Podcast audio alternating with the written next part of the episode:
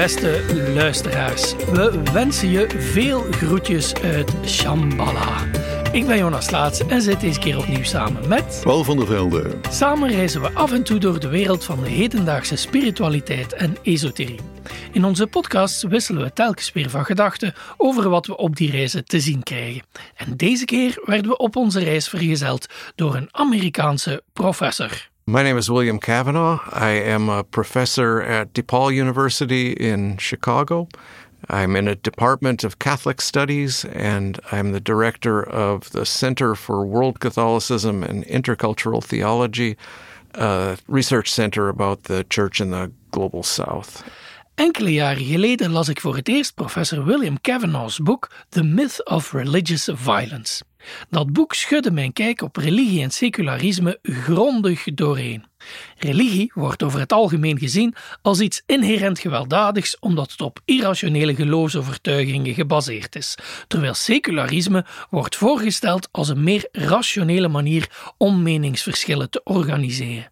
Maar Kavanaugh draaide dergelijke alledaagse veronderstellingen volledig op hun kop. En dat deed hij met heel wat solide feiten en grondige argumenten. In mijn eigen artikels en boeken citeer ik Kavanaugh dan ook geregeld. Ik ben nu eenmaal een grote fan. Het mag dan ook voor zich spreken dat ik bijzonder blij was toen ik hoorde dat professor Kavanaugh in november een tournee zou doen in Nederland. Hij werd immers uitgenodigd door De Zinnen, een katholiek netwerk voor inspiratie en dialoog. Zij vroegen hem om aan meerdere universiteiten een lezing te geven over zijn boek. Zijn laatste stop was de Radboud Universiteit. En dat vormde uiteraard een prachtige gelegenheid om hem ook even uit te nodigen in onze Shambhala-studio, die op gewone dagen nu eenmaal dienst doet als Pauls bureau. Paul, William en ikzelf hadden er een diepgaand gesprek over verschillende blinde vlekken in het dagelijkse discours rond religie, secularisme, spiritualiteit en geweld. Logischerwijze spraken we natuurlijk wel in het Engels. Deze aflevering is dan ook een beetje een uitzondering. Voor één keertje is die niet in het Nederlands. Wie het wat moeilijker vindt om in het Engels te luisteren, kan een Nederlandstalig interview lezen op de website van Volzin. Dat interview vormt een bewerkte samenvatting van enkele fragmenten uit ons gesprek. Maar hopelijk vormt het Engels geen probleem, want wat mij betreft is het gehele gesprek meer dan de moeite waard. Ik maak trouwens wel meer podcasts in het Engels. Dus misschien is dit wel een goed moment om dat even mee te geven aan het luisterpubliek van Groetjes uit Shambhala. Mijn Engelstalige podcasts publiceer ik onder de titel Revisioning Religion. En in die podcasts heb ik eveneens diepgaande dialogen, maar dan eerder op het kruispunt van religie, mystiek en politiek. En dat met experten uit de hele wereld. Eerdere gasten waren bijvoorbeeld Bernardo Kastrup en Jeffrey Kripal. Zo dus, mocht dat jouw interesse wekken, zoek dan zeker eens naar Revisioning Religion in je favoriete podcast-app. Maar nu dus eerst een gesprek met William Kavanaugh over de mythe van religieus geweld. Bill, uh, the moment we're recording now, you're actually doing a tour in Holland, in the Netherlands, uh, to talk about your book, The Myth of Religious Violence. But it's it's not just been published; it's a couple of years old. When, when did they come out? 2009, actually. 2009. This is the third time I've been to the Netherlands to talk about this book. Okay, so, it's a, it's a very popular book. and I must say, I'm I'm still a huge fan of the book. I've always been, and so uh, something of the contents triggers a lot of people. It's about the myth of religious violence. That's also the topic we're gonna discuss today. But so uh, before we really delve into some intricacies and nuances and so on, we first have to outline the main points of the book. And I thought, let's make my starting question a bit more focused. You've got a lot of people when you're on a reception or, I don't know, a family gathering or so on, and then you see your professor of theology, I guess. Lots of people come to you and they say, Oh, religion, who still deals with religion? Religion, that's what created all of the violence in the world. If uh, we would get rid of religion, then, then there would be a lot less violence. What do you say to somebody who brings that argument to the table? Oh, I have to go and take a phone call. That's what I usually say to them. no. Um, Yeah, having a book called The Myth of Religious Violence is kind of like having a book called The Myth of the Spherical Earth or something like that. People just look at you like you're a you're a flat earther or somebody who's who's just not in touch with reality. So maybe it might help to start by saying what the argument is not, right? Mm-hmm. The argument is not that oh, the causes of violence are not really religious, they're really political or economic. I, I don't think you can make those kinds of arguments stick. Um, you just listen to what ISIS has to say about the reasons for doing things, and and also I, am arguing in the book that these separations between religion and politics and economics are somewhat artificial, and so carving the world up that way I don't think uh, works. And nor does it work to say, oh, the Crusaders aren't really Christians, or you know, ISIS is not really not really Muslims. Um, normatively, I think it's important for Christians and Muslims to say, yeah, the Crusaders got it wrong. You know, ISIS has got it wrong. But descriptively, empirically, um, you can't just excuse your own tribe by saying, oh, well, they, they don't really belong to us. And anybody who does bad things is not really a Christian. I mean, that doesn't work. That's disingenuous. So the argument is not that, and I won't put it in the negative, I'll put it in the positive. Um, I fully accept that people can and do uh, do violence inspired by Christianity, Islam, etc. Um, but the myth of religious violence is the idea that there's something called religion which is inherently more prone to violence than secular ideologies and institutions. And so the whole thing depends on this religious secular distinction that there's this thing called religion and it's you know there from you know all times all places and it's inherently more violent than non-religious secular uh, sorts of things and i just think that that's uh, not true and so you can look at you know, the last hundred years and ask who's done more violence, atheists or Muslims? And the answer is atheists, and it's not even close. You know, under Marxist regimes, you've got anywhere between 70 and 110 million people killed. You know, you look at World War I, 38 million casualties, nationalism is the cause. You know, those sorts of arguments but I don't want to just assume that we all know what we're talking about when we say there's religion and then there's secular. People have in mind that religion means Christianity, Buddhism, Confucianism, Islam, and so on.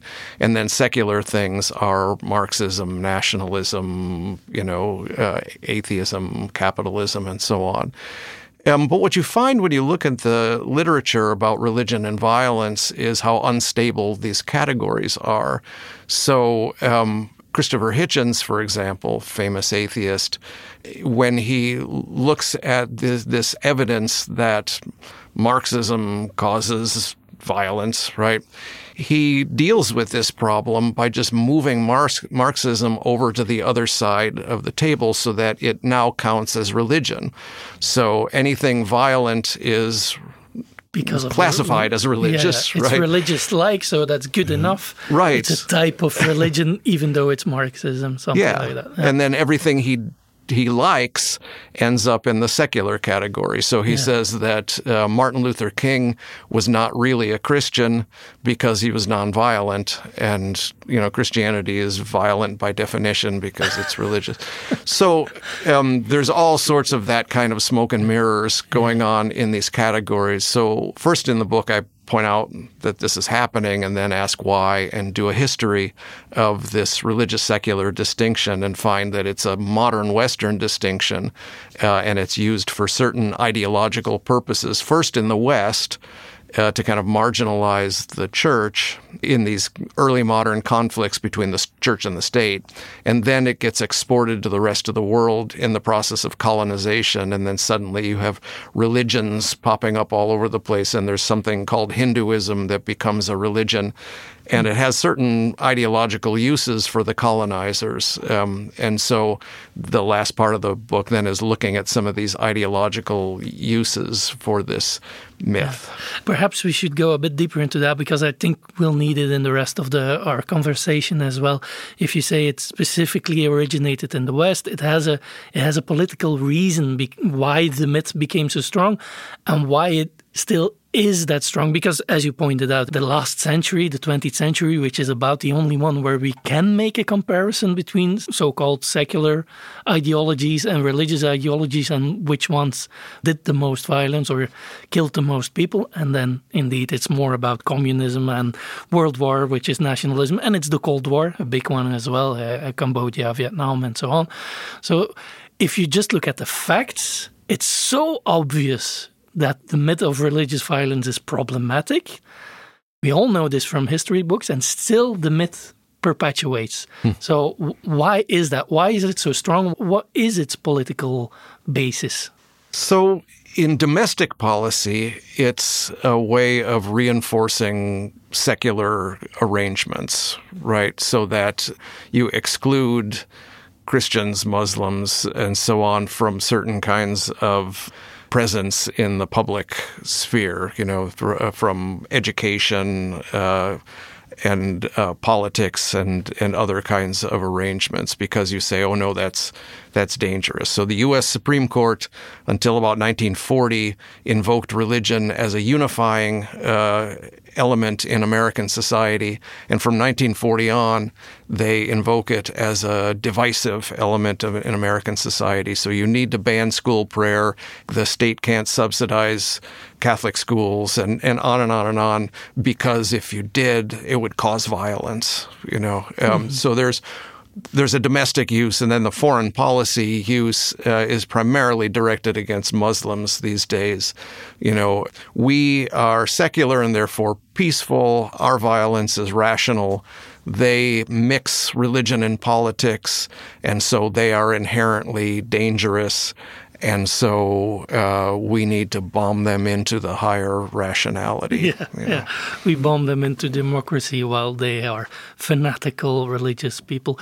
Um, we, we even had somebody in, in Belgium, which is a frequently asked uh, speaker on national television, and he once succeeded in saying that the violence of ISIS is inherently way more bad than the Holocaust because ISIS was religious and the Holocaust wow. hadn't been.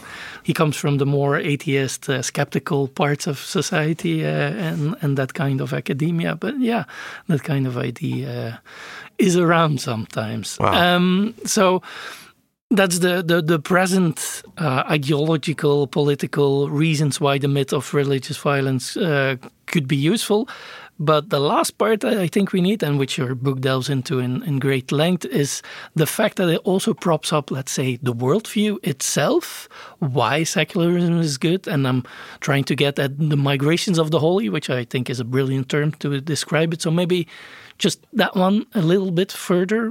How would you explain those migrations of the holy and why are they so important?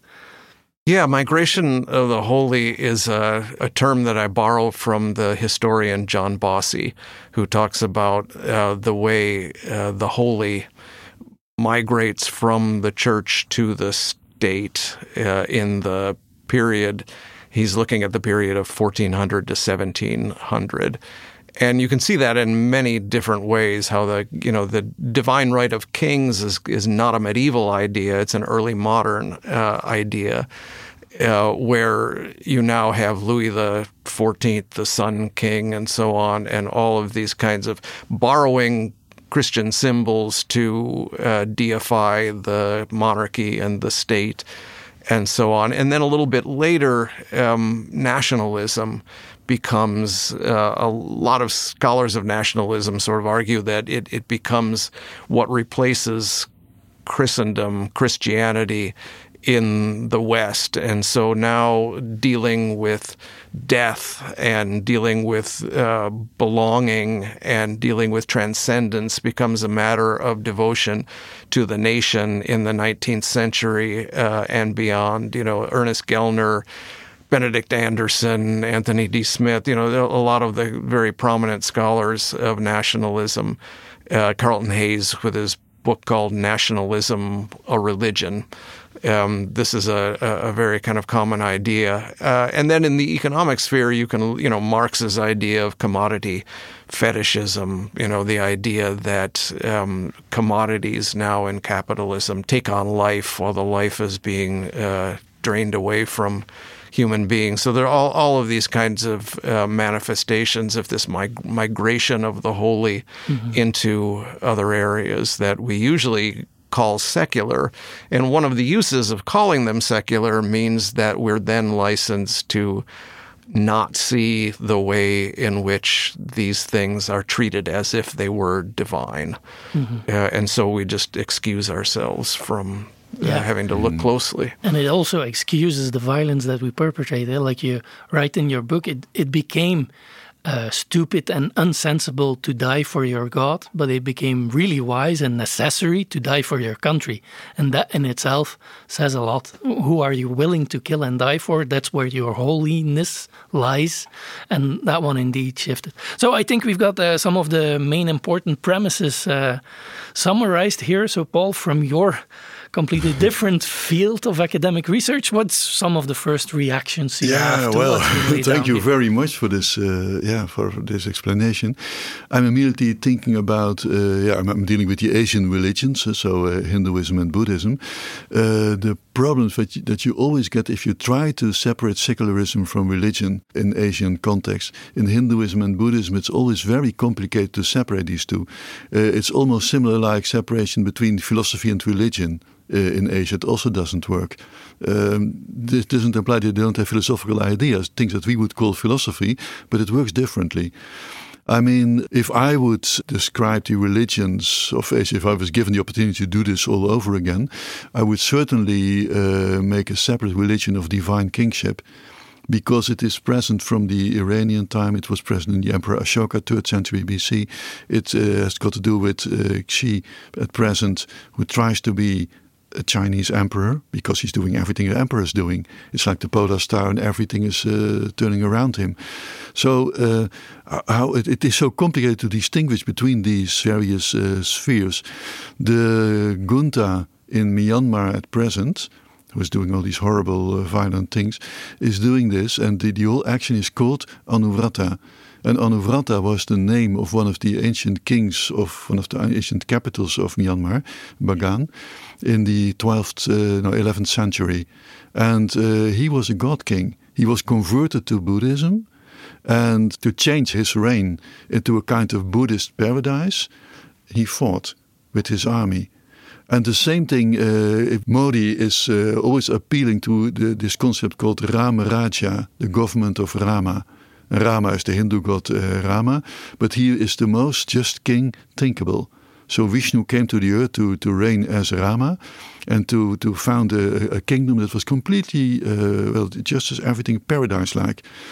And this is what you get if you uh, remove all enemies of the true religion. That's one of those ideas that's present. That's also why uh, you would you would say Ram Raja. Well, you have to be friendly and uh, behave correctly and no violence, etc.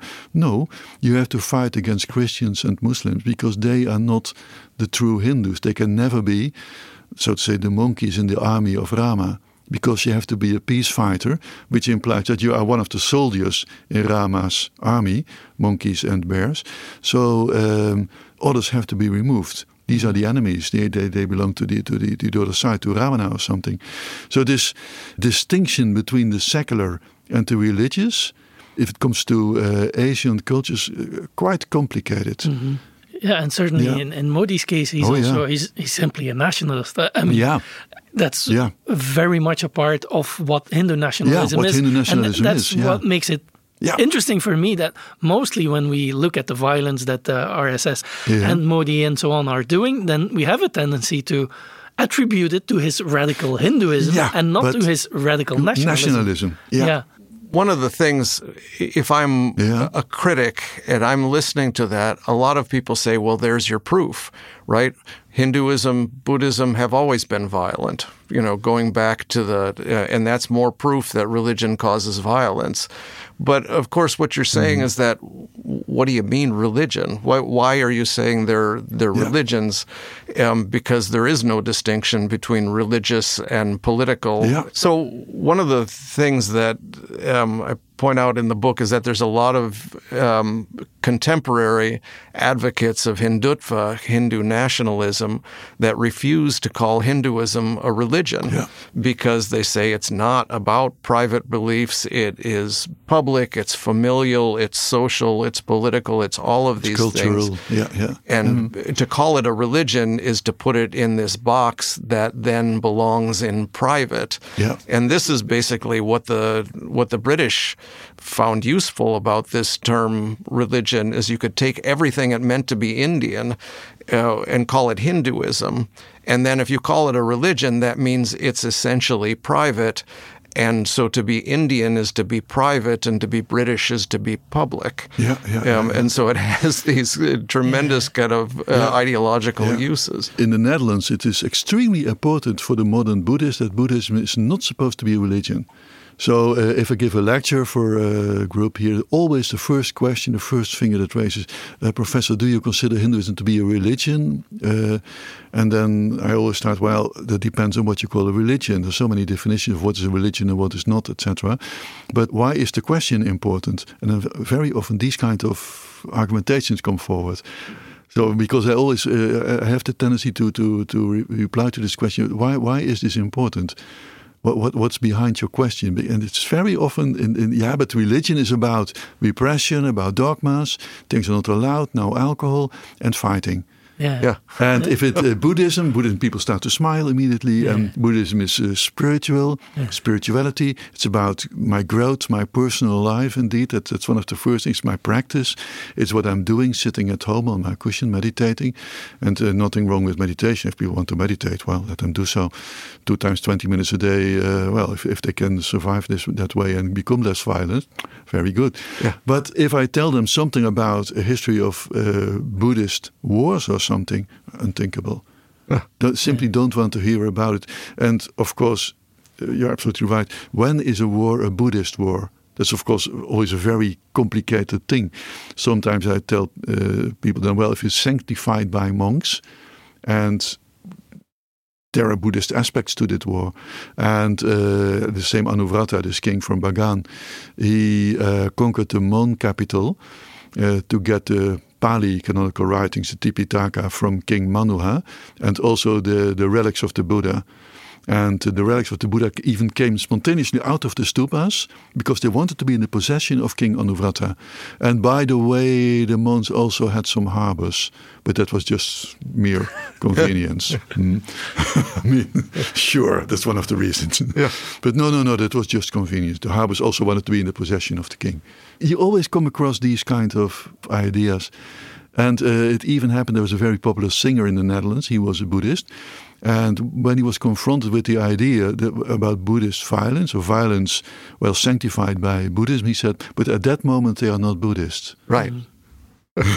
right, just like the Crusaders are not yeah, really Christians and yeah. ISIS is not really Muslims and so yeah. on. Right, and in one sense, you, you want to encourage him to say that in the normative sense, sure. but in the descriptive, empirical sense, that's just special Makes pleading. Yeah. Right? yeah. Yeah. yeah, yeah. Uh, one of the funny things for me when I went to Iran is also how the reality completely reverses what we are thinking when we think uh, of a country like Iran from the myth of religious violence, because everybody here thinks the opposite.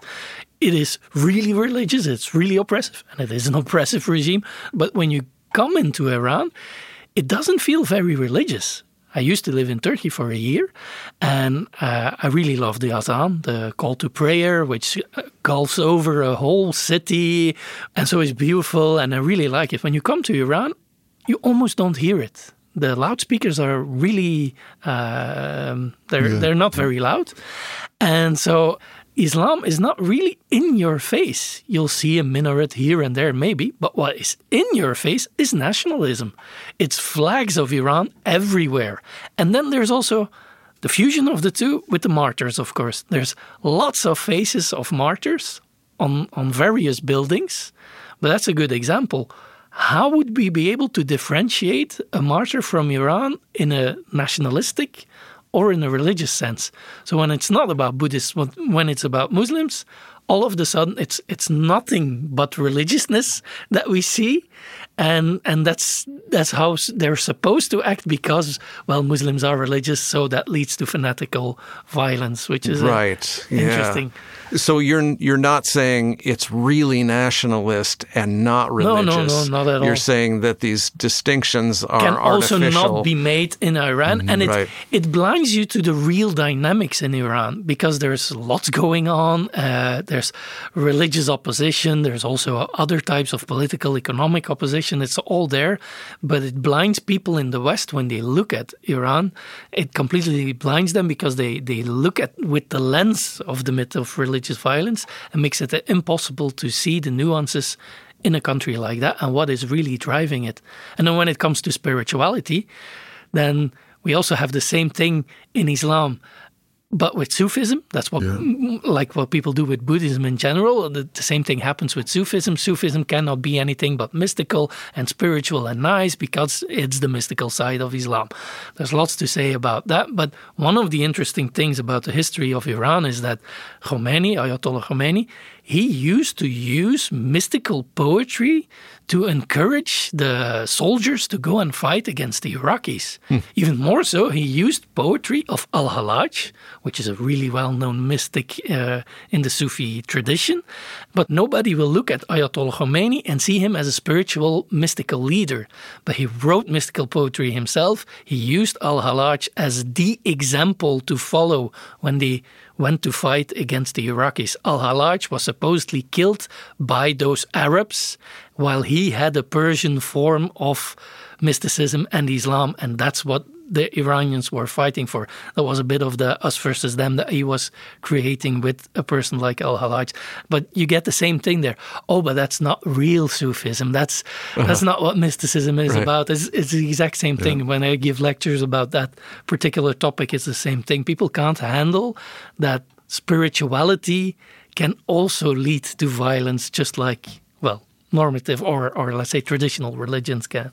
Right, and and that there are secular forms of you know spirituality yeah. if you will that can lead to violence and and in that sense Iran is a really interesting case study because uh, in 1979 you have the Islamic Revolution, and in the United States we all suddenly started paying mm-hmm. attention to Iran and say, you know, what what is this? What are these crazy people doing? Now they hate us for no reason at all. They must have had some bizarre religious experience and the Shiite, you know, Muslim, and, and you know, it, it's mm-hmm. so we shrug our shoulders and say, "What is this? It's religious, right?" Mm-hmm. And so that is the way then that we ignore what has been going on for the previous 26 years, where you have a secular violent regime. The United States and Great Britain overthrow a democratically elected government in 1953 and install the Shah, and he spends the next 26 years with full American support, torturing and killing people and so on, and imposing a secular dress code, uh, you know, among other things. Uh, and but that then all gets uh, ignored if we can say, well, the causes of the violence in modern day Iran are religious. Then we don't have to look at the whole history of American imperialism in Iran and other parts of the Middle East. It's just that they've had some bizarre religious awakening, and that's what the cause of the problem is. Mm-hmm. So it's a, a, prime example of this kind of myth of religious violence. violence yeah. Indeed. I was wondering how would you incorporate this concept of spirituality in your thinking about the myth because your book goes really deep into nationalism as this kind of surrogate for religion, or at least the migration of the holy, as we discussed. Um, that's the thing you fight for and die for. It's the state, and it's not religion anymore. And so religion has to be private, while the state will deal with the affairs in the public and that's a good way of organizing the world. So that's the idea. That's why the myth of religious violence exists. But what do we do with spirituality? Because this term spirituality is in between this religious and secular. It has a lot to do with not wanting to be seen as dogmatic and mm-hmm. violent mm-hmm. and so on. Mm-hmm. So it's there. But while nationalism also tells you what you should die for, spirituality doesn't. So I don't know if you can do something. Yeah. Well, let me give it a try. I mean, this is not something I've thought a lot mm. about, but there's a there's a number of ways that you can use this term spirituality, and one of the ways is to say.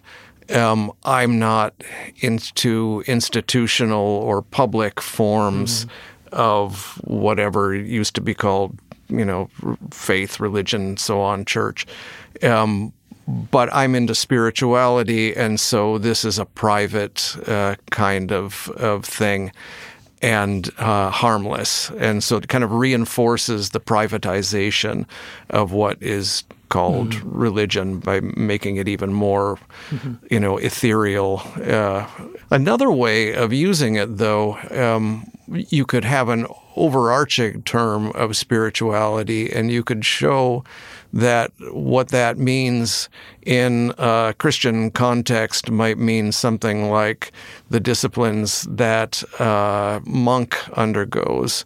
But you could also talk about secular kinds of spirituality as the discipline uh, which a soldier uh, undertakes as a kind of spirituality. Mm-hmm. Uh, um, this kind of intense self discipline and dedication to a larger cause, um, which is not just spiritual, but bodily at the at the same time. You know, it's this kind of a technology of the soul, I mm-hmm. suppose, is one way of using this term spirituality, which could be both, you know, what we call religious and both what we call mm-hmm. secular. And that's another way of kind of leveling the playing field. A lot of what I'm trying to do in the book is just level the playing field between so-called religious and so-called secular ideologies, institutions, mm-hmm. practices, and so on, and show show that people kill for all sorts of things mm-hmm.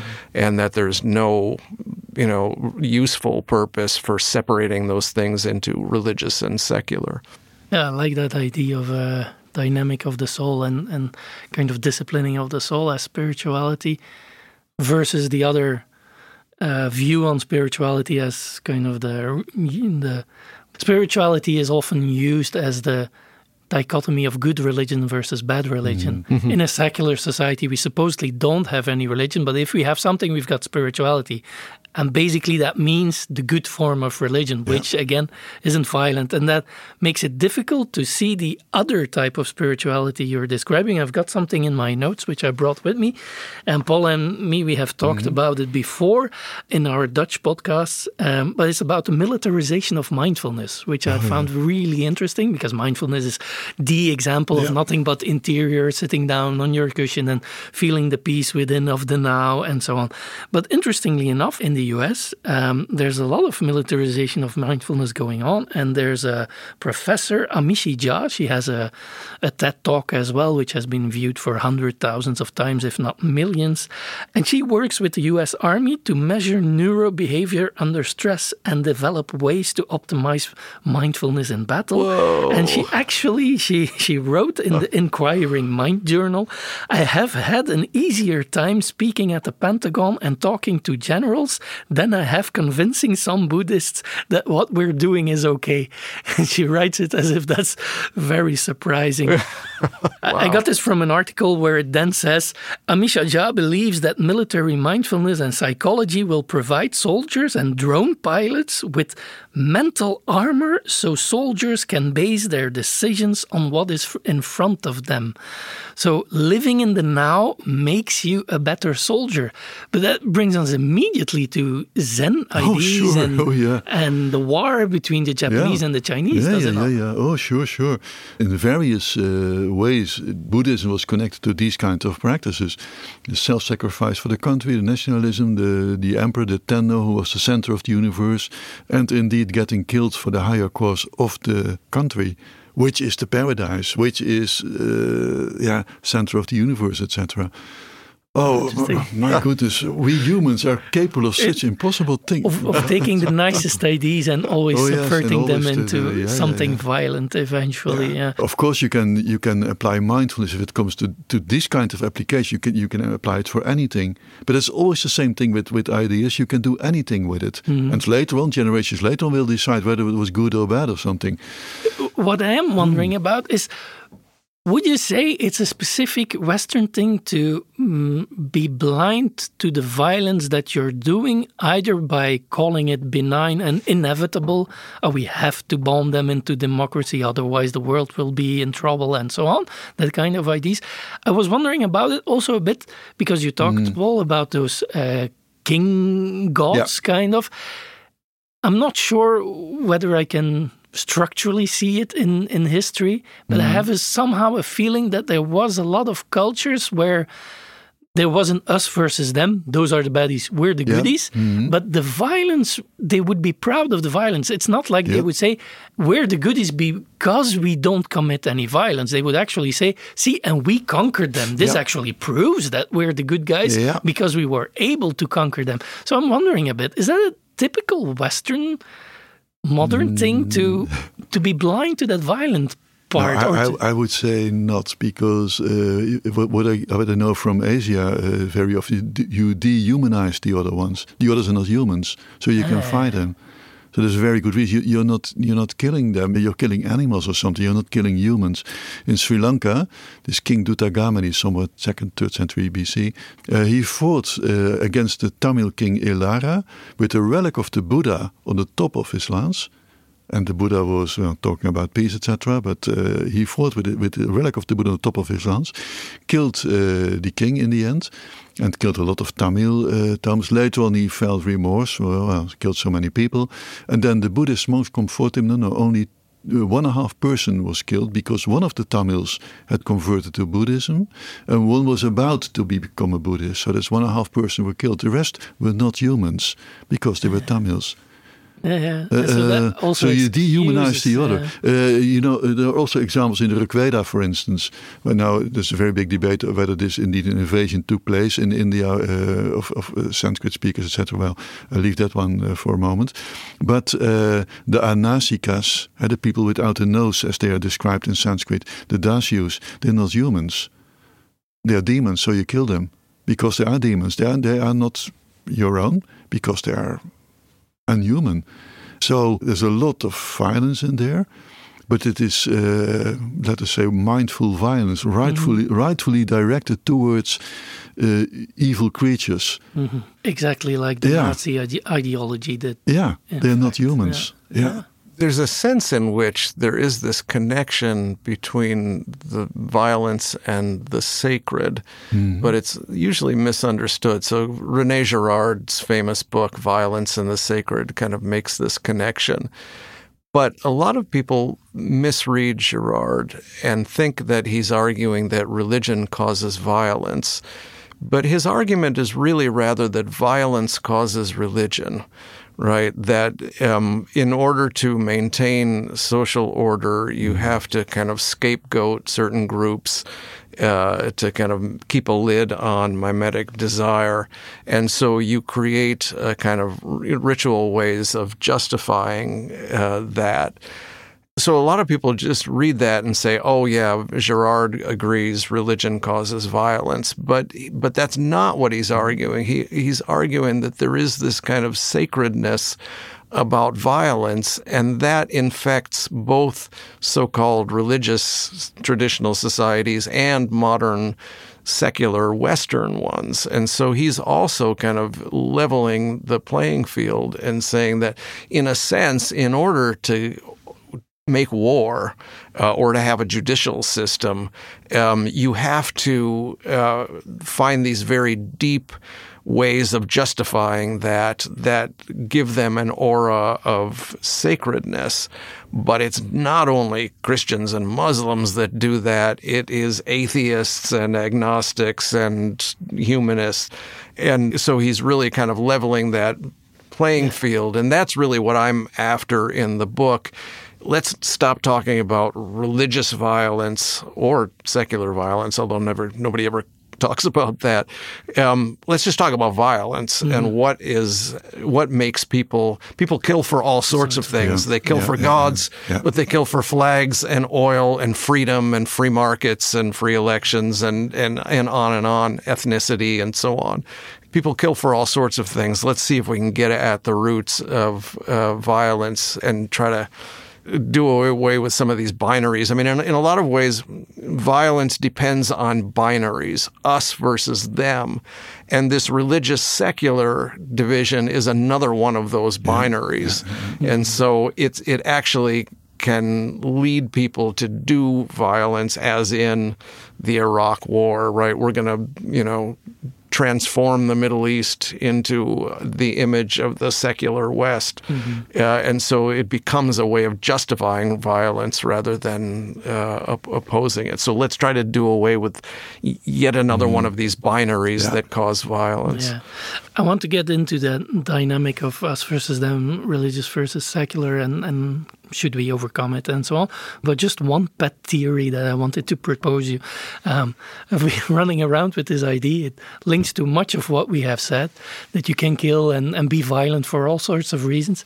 And I've got this theory that if we look at Donald Trump, who has been talked about a whole lot, it's difficult to call him religious. I know he had his photo up uh, where he had his Bible upside down and so on, and he's he's, he's, he's holding it like he's never seen one before. he probably didn't. Uh, uh and a he, feeling. It's a feeling. He has this uh, this this uh, prosperity gospel preacher that he's a good friend with, and he sometimes goes on stage with, and so on. But nobody really takes him seriously as a religious person. But I was thinking he's made out to be just a crazy guy. Certainly in Europe, in, uh, in, the US, you've got two sides, of course, but in Europe, he's made to seem like simply a crazy guy, narcissist, and so on. But I was thinking that, well, if you look at him ideologically, for me, he's the extremist version of positive thinking. Because if you look at his book, The Art of the Deal, it's a typical version of positive thinking, which basically, in, as a bottom line, has as long as you're focused with your mind on the thing that you want and you really, really want it, it will come to you. And you have to think positively about it, and all negative thoughts are bad. If yeah. you look at Trump in that manner, He's completely comprehensible. That's the extremist version of thinking like that. His own reality is nothing but, in my reality, everything is fine. I'm the big guy, and whatever I want, I'll get it. And everything else is negative thinking. I'm not gonna go there. And so, his violence and racism and so on in my view, is the extremist version of positive thinking, but nobody will ever see it that way. So that's my pet theory. what do you think, as an American, of my proposal. Oh, you know, Jonas, I think that's really interesting, and that's that's really true. Um, Norman Vincent Peale is the guy yeah. that you're yeah. thinking of. He's yeah. long dead, but Trump apparently attended Norman Vincent Peale's church uh, in New York City many decades mm-hmm. ago. Mm-hmm. He attended a few times and absorbed some of this kind of power of positive thinking uh, stuff but I think that's right. I mean, I I sometimes think that to call Donald Trump a liar is to give him too much credit mm-hmm. um, for being able to tell the distinction between the truth and lies. You know, um, I'm not sure he really knows the difference between what's true and what he wants. Right? I mean, it it just seems like his basic driving uh, impulse, what gets him out of bed is the morning, is just this basic driving impulse that can be reduced to the word gimme. You know, I want that. And I'm not sure he really, at, at some level, knows the difference between what he wants and what's actually true or what he wants to be true and what actually is true. It's just this. Uh, so, in, in some sense, to become a liar would be a, a, an achievement for uh, for for Trump. Um, Definitely. Okay, back to the opposition, religious, secular when all is said and done, and everything can lead to violence, so there is no distinction between religious violence and secular violence, or positive thinking violence, or democratic violence, and so on.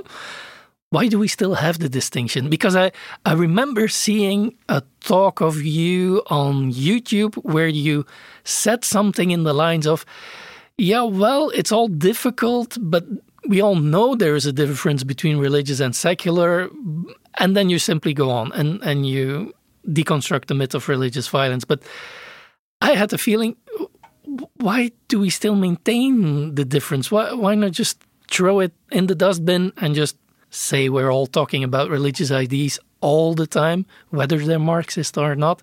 Wouldn't that make it more easy also to deal with them and to grapple with them in a theological manner more than what we try to do now, a rational, supposedly objective, sociological manner or something? Just call them for what they are theology, maybe without God, but there's many religions who don't have a necessarily the same type of divinity as Christianity, so that's not a problem. You can be a religion and still have atheist tendency. So why still maintain secular religious or by now have you thrown it into the dustbin?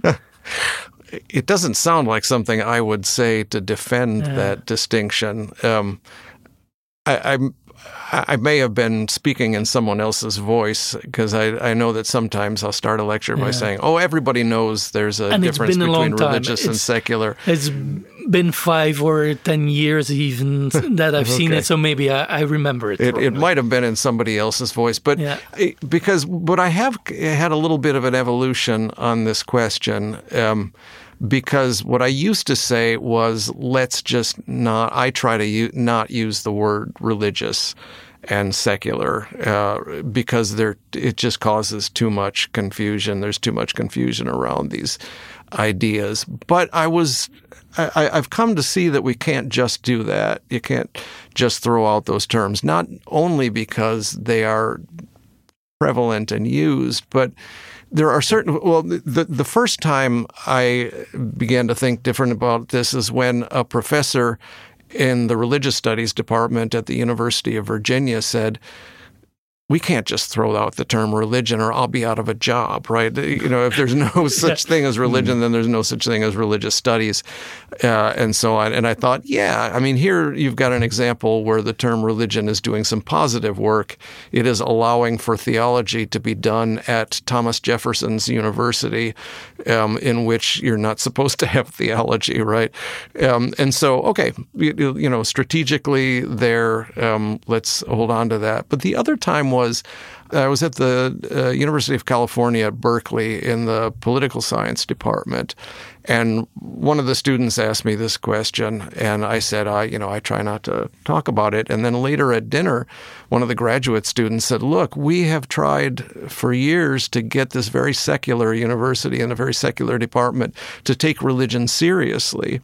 And they finally have, and now you're pulling out the rug from under us, you know. And so it became clear that you can't just not talk about it, that it has certain purposes. But it became clear to me that you, you have to talk about religion and the secular not as if it were a thing out there, a phenomenon out there in the world that we just for some reason have a great deal of difficulty describing. Uh, and we can't come up with a definition of it. We all know it's out there. We just for some reason can't agree on a definition, um, and it's very hard to define, and you know that sort of thing we, we need to stop thinking of it as this thing out there. And we need to think about it as a lens. So it's not this uh, water bottle on the table. It's my glasses that I'm wearing that you can't see because this is a podcast. But it's a lens. The religious secular distinction is a lens through which we view the world, and it's not a thing out there in the world.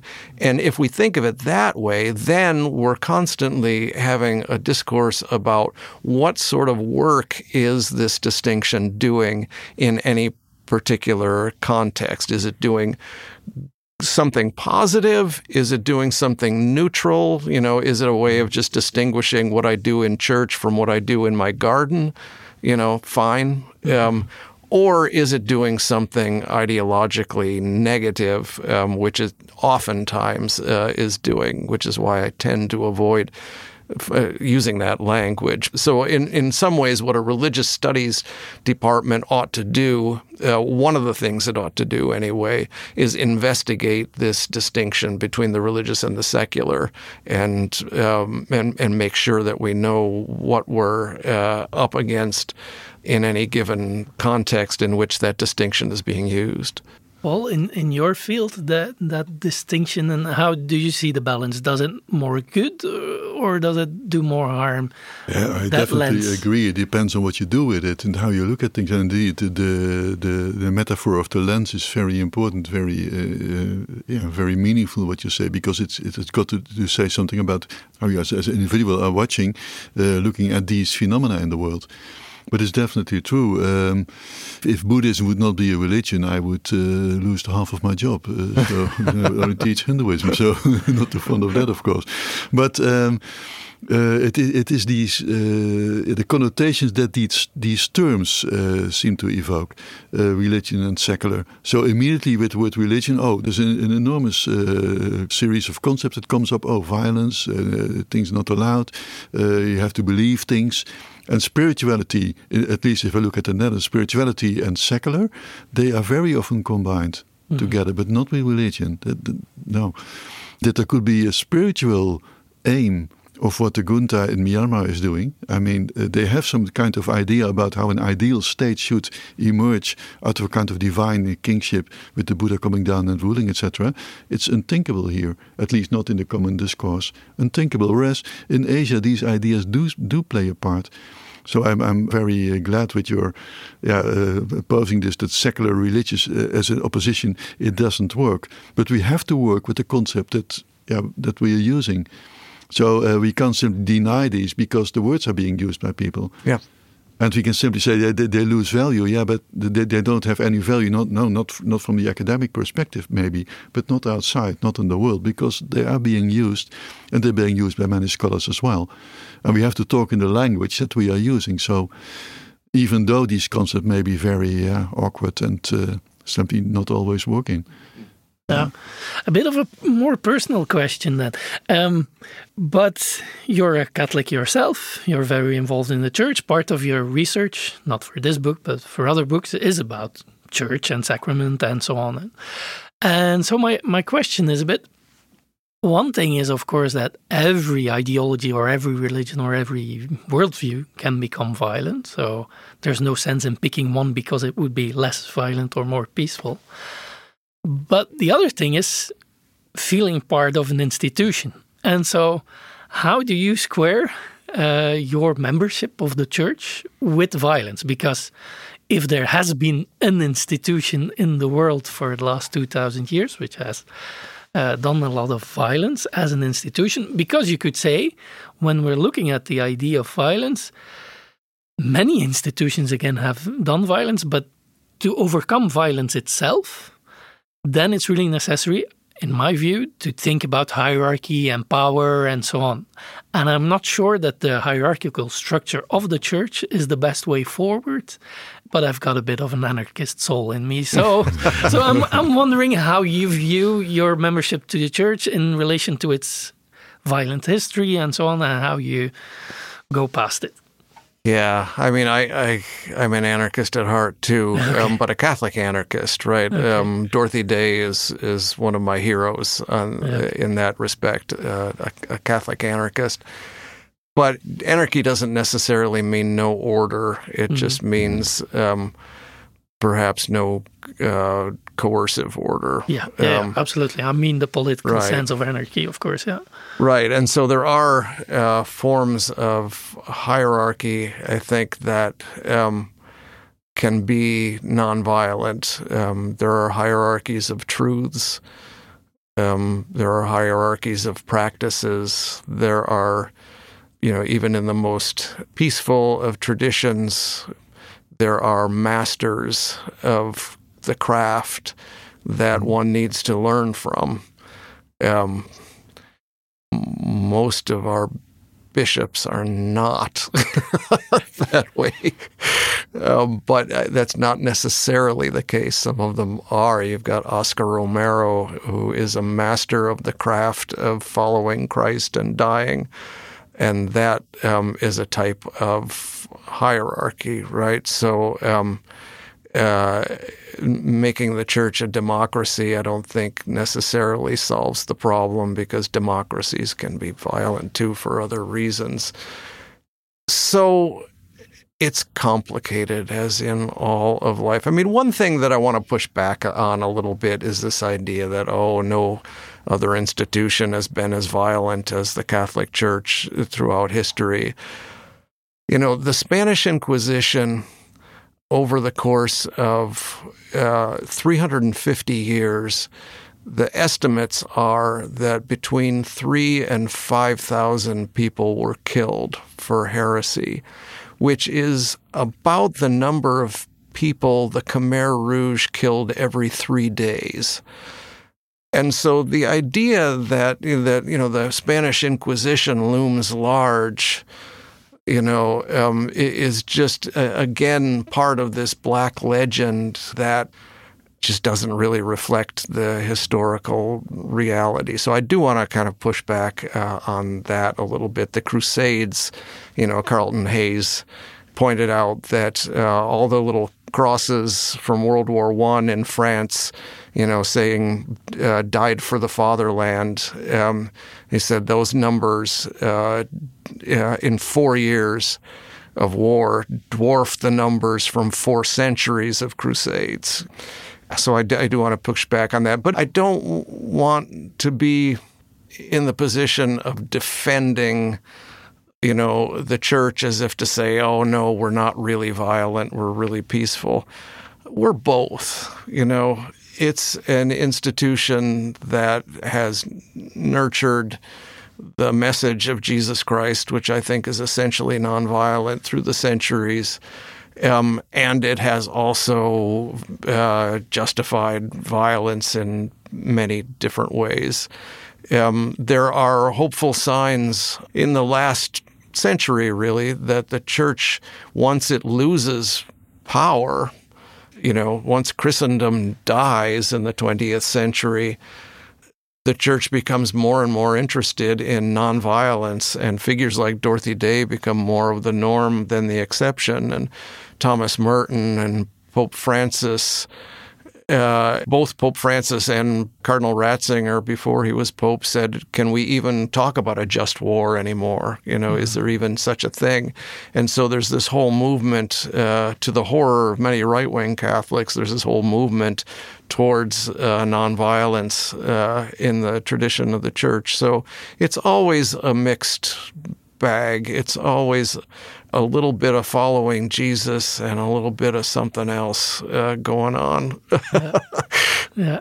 I'll get to the non-violent Jesus in a bit, but first, Paul, mm-hmm. um, you don't belong to a tradition. No, uh, no, you don't see it that way, but you often say, "I've converted to the Asian cultures." The Asian cultures, for sure. Yeah, yeah. but not seeing yourself as a religious person. Does it have anything to do with the question of violence or not? Is that not in the picture? Oh no, not really. No, on no. a personal level. No, that's just a personal level. Uh, but yeah. then, even if you say I converted to the Asian cultures, well, the culture itself is also full of full violence. of violence. oh yeah, so and um, I'm uh, living with these stories, Ramayana, Mahabharata, yeah. and they're full of violent stories. Yeah.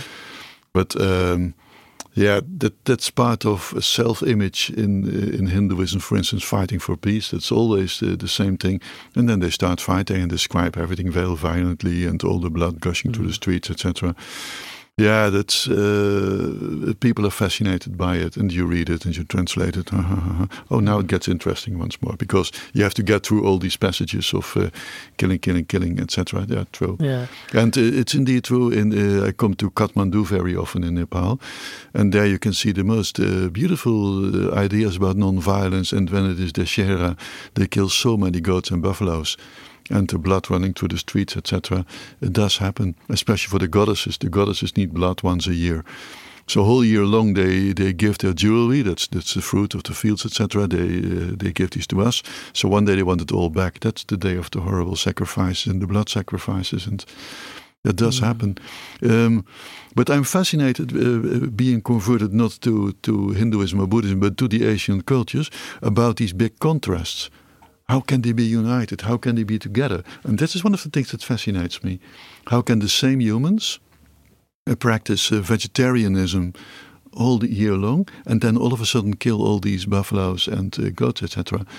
That's one of the fascinating things. I think the, the, the big opposition that we still keep in our minds, apparently as humans or in one human even. How can this be? Mm-hmm. How is it possible that, that that we do this and that we still consider ourselves to be decent beings, etc.? How can this be? And that is one of the fascinating things, yes, and I come across this very often in Asia for sure. How, how can you talk about that everybody is having an immortal Atman and uh, that we are all humans, etc., and yet stick to the caste system? Mm. Because it's very strong and getting stronger, even, I get the impression. How can this be? Whereas we're all the same, we, we share the same divine uh, inner mm-hmm. world, you would say these kind of things these fascinate me and uh, these questions never leave me so uh, indeed this is taking part of, of the culture and if this is religious or mm-hmm. spiritual or whatever well it's what i'm doing yeah, yeah. what i'm thinking about It, it yeah. is fascinating and it's indeed what we've been talking about we we all have the desire for peace and yet yeah. violence is a is a daily thing uh, certainly now with wars in ukraine and uh, in yemen still and so on and so on but so you've mentioned before, and I completely agree, we, we have to get out of this uh, as if it helps us to call some violence religious, as if that helps us to deal with it. It doesn't. It just makes a category and it's useless when it comes to dealing with violence itself. Then we'll have to confront the dynamic of violence. Part of it is the us versus them, and we have to overcome it. So I think that's a bit the last few things that I wanted to discuss. How do you think of overcoming violence? I mean, there's lots of other literature about it, uh, but but you, from a spiritual standpoint, if you say in the long run, or if you look at Jesus and how his uh, message has been transferred through tradition, eventually I see him as a person of nonviolence. Is that how he inspires you? And then, what are some ideas, some inspiration that we can all take along to overcome the dynamic of violence. If we leave the myth behind but just confront ourselves with violence, how do we overcome it? Yeah, that's a good question, and not one to which I have a very complete answer at all.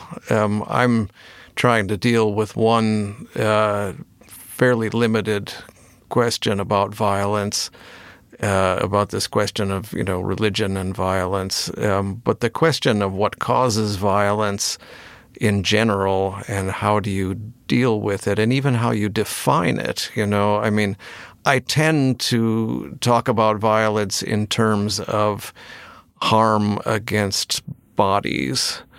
Uh, right, but there are other much more expansive mm-hmm. definitions of violence that include you know, mental harm and um, the exclusion, you know, of women, other kinds of exclusions. Um, and all of those, I think, do have a claim to be considered violence uh, in a much broader sense. But I just don't have the capabilities of, of dealing with those broader questions. And sometimes the definition of violence gets so broadly put that it becomes kind of useless. Um, a student when we were in Tilburg posed the mm-hmm. question and cited a figure who said that who defines violence as any kind of change in the world. And my response was, well, once you've defined violence that broadly, then um, then I'm not sure how useful it is anymore. So from a theological point of view, I'll, I'll kind of try to narrow the question down a, a little bit. I'm, I, I, am influenced by Rene Girard's uh, work on this, and he's coming at it from a kind of lapsed Catholic who has come back to practice of his Catholicism. But he uh, thinks that what is most important about the figure of Jesus Christ is that it's the identification of the divine with the victim, right? And so instead of scapegoating the victims and saying, you know, now that we have gotten rid of the Jews or whoever, now now we're good, you know, this whoever the scapegoat happens to be um, because it's the scapegoat's fault. That what's important about the figure of Jesus is that it's the identification of God with the victim instead of with the victimizers, and that seems to me um, it's so it's not just uh, championing of the victim; it's the actual identification of God with the victim to me, that is a really powerful way of understanding Christianity, and it's a very powerful way of dealing with violence. I sometimes have the the hope that the day we can deal with violence, not not being violent uh, creatures anymore, we are no longer Homo sapiens sapiens. We have evolutionized in something else, into something else or something, because I'm afraid that. Uh, I like your metaphor very much of God as the as the, as the victim, the victim as the God. But uh, for the time being, I've got the idea that violence is part of us. It's mm. inside of us, and how we deal with it with this violence makes us humans or not, something like this. How we how we uh, develop tools to deal with our violence, because this tendency is there. You see it among small children already. But what, what do we do it once we grow up? No, don't do this anymore. You want to be a decent person, so you don't do these kind of things. Yeah, and uh, the moment these ideas are no longer there, they simply don't pop up anymore. Maybe that's enlightenment or. Mm some kind of profound wisdom, or if everybody is passing through this, maybe we have changed into something else, Homo sapiens, whatever, sapientissimus, uh, I don't know. Mm. Uh, I have this, this this kind of hope at times, but for the time being, trying to be a decent human and uh, always keep on uh, discussing what decency exactly is. Mm. What does it imply? Because it's not the same. It's not universal. It, it, it, differs from Iran from here. It's not the same. But always keep on uh, investigating what does it imply in, in, in this situation to be a decent human. What kind of person you want to be in this context. Mm. And uh, that's a never-ending discussion, and I'm very fond of never-ending discussions. Never-ending with yourself as well. Yeah. Yeah, it's interesting what you uh, what you say, it brings us completely back to the myth of religious violence because for me, one of the things that certainly will have to happen if we want to mm-hmm. look for our decency is to stop being blind to the violence yeah. that's within us. And that brings me back to the myth of religious violence in the sense that yeah. part of it is really blinding ourselves for all the violence that we're doing or making it something benign, seemingly, or whatever. And saying that the others, which aren't human really, that those are the violent demons or something. So I think yeah, there's that's why I think your book is important to to mm-hmm. make that flip and to to see that we have the tendency to violence all within ourselves and and we will never overcome that violence and, unless we also deal with the simple raw fact of being yeah. Homo sapiens, which is, sadly is, enough, yeah. has been for the last so many thousands uh, of years, has been a violent creature, and, and that's something to deal with, which is uneasy, is yeah. uneasy to do. And, and, and for some reason or other, uh, uh, we seem to need the the bad other to be a good person ourselves. I mean, I'm from the south of the country, very small village. If there was football playing between two of these villages, uh, Someren and Asten, for instance, already the war started. yeah, just boys playing football together. Yeah. I mean first had to chase out the cows from the meadow and then they could start playing football. But then already the war started hmm. because they, they, were wrong. That was one thing was for sure. The, those from the other village were wrong. And, and we needed, uh, I did not play football by the way, but uh, the others were needed because uh, the football boys from our village needed to be the right ones. So other ones must be wrong, whereas they were doing the same things. So apparently this, this is part of our creature or being or, or mindset or something that we need another group that we can call wrong to be good ourselves, mm-hmm. to distinguish between the two or something. Yeah. I'm not sure, but apparently we need an enemy or something. Yeah, I, I think um, I think that's right. And so, um, if that's the case, then the basic way of dealing with violence ought to be that the critique of violence has to be self-critique. Yes. Um, it always needs to start and end with self critique. It's also the only the only thing you can do to break the circle of violence. Mm. Start with yourself. You can't force the other one to stop the circle of violence, so you need to do it yourself. I'm a big Mahatma Gandhi Yeah. fan, and in that sense, he uh, one of the the sayings that I like most uh, that he said is. Um, Somebody asked him, "Why don't you become a Christian?" And his reply was, "Well, I like your Christianity. I like your Christ. It's just your Christians. They are so unlike your Christ." I love that. Still, Yeah, So, uh, yeah, yeah, yeah. calls for self-reflection. Well, gentlemen, this has been a very uh, interesting conversation. Thank you very much. Well, thank you. Thank you, Jonas. Yeah, thank you. And thanks, Paul. Yeah, this has been really you, fun. William. Yeah.